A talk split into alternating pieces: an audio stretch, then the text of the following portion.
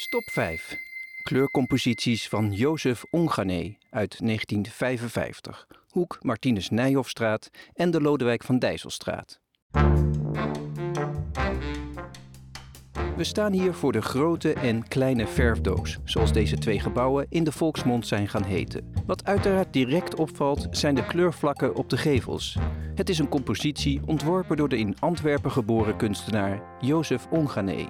Het werk is duidelijk geïnspireerd op de abstracte schilderijen van Piet Mondriaan, van wie Ongané dan ook een groot bewonderaar was.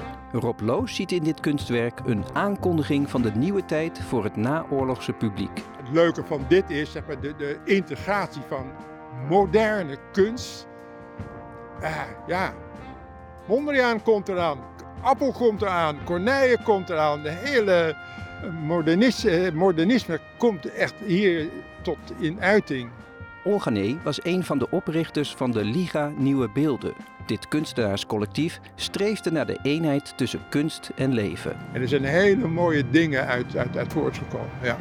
Zo hechtte men bijvoorbeeld veel belang aan kleur in de architectuur, wat hier bij de verfdozen al duidelijk tot uitdrukking komt. Deze twee gebouwen zijn ontworpen door Allard Warners, die op zijn beurt weer een groot bewonderaar was van de beroemde Frans-Zwitserse architect Le Corbusier.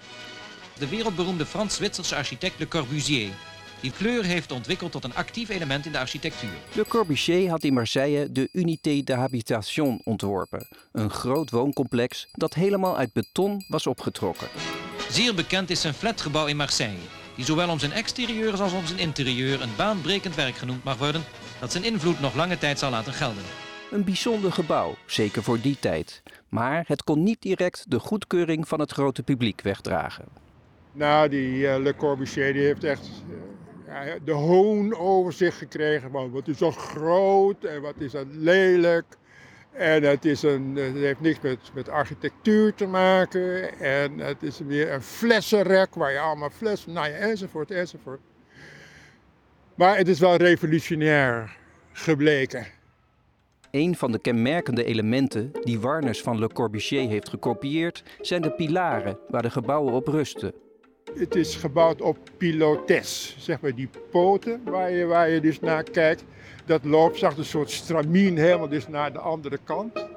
Dus dat is een soort relativering van de zwaartekracht, weet je wel. En dat vind ik juist zo mooi, zo van dat er iets massief en toch licht kan, kan zijn.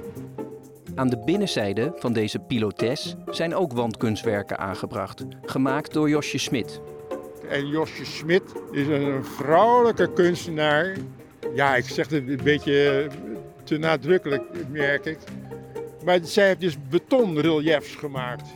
Ja, omdat ik dat niet typisch vrouwelijk vind, snap je vandaar.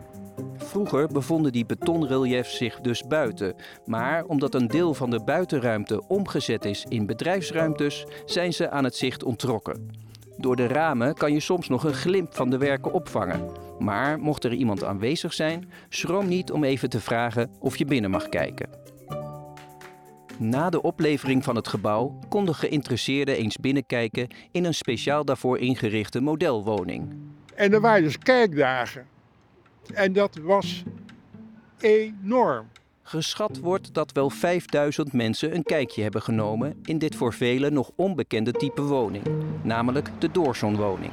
Doorzonwoning, doorzon, hebben we nog nooit van gehoord. Net als bij het wooncomplex van Le Corbusier was de eerste kennismaking niet echt positief. Stevast hebben ze allemaal de, het kritiek zo van wat kil en wat een hoop glas. Maar desondanks deze kritiek waren de woningen wel binnen de kortste keren verhuurd. Einde van stop 5. Fiets nu de Martinus Nijhoffstraat in en sla direct linksaf de Van Moerkerkenstraat in. Bij de bocht naar rechts zie je aan je linkerhand het kunstwerk dat in stop 6 centraal staat.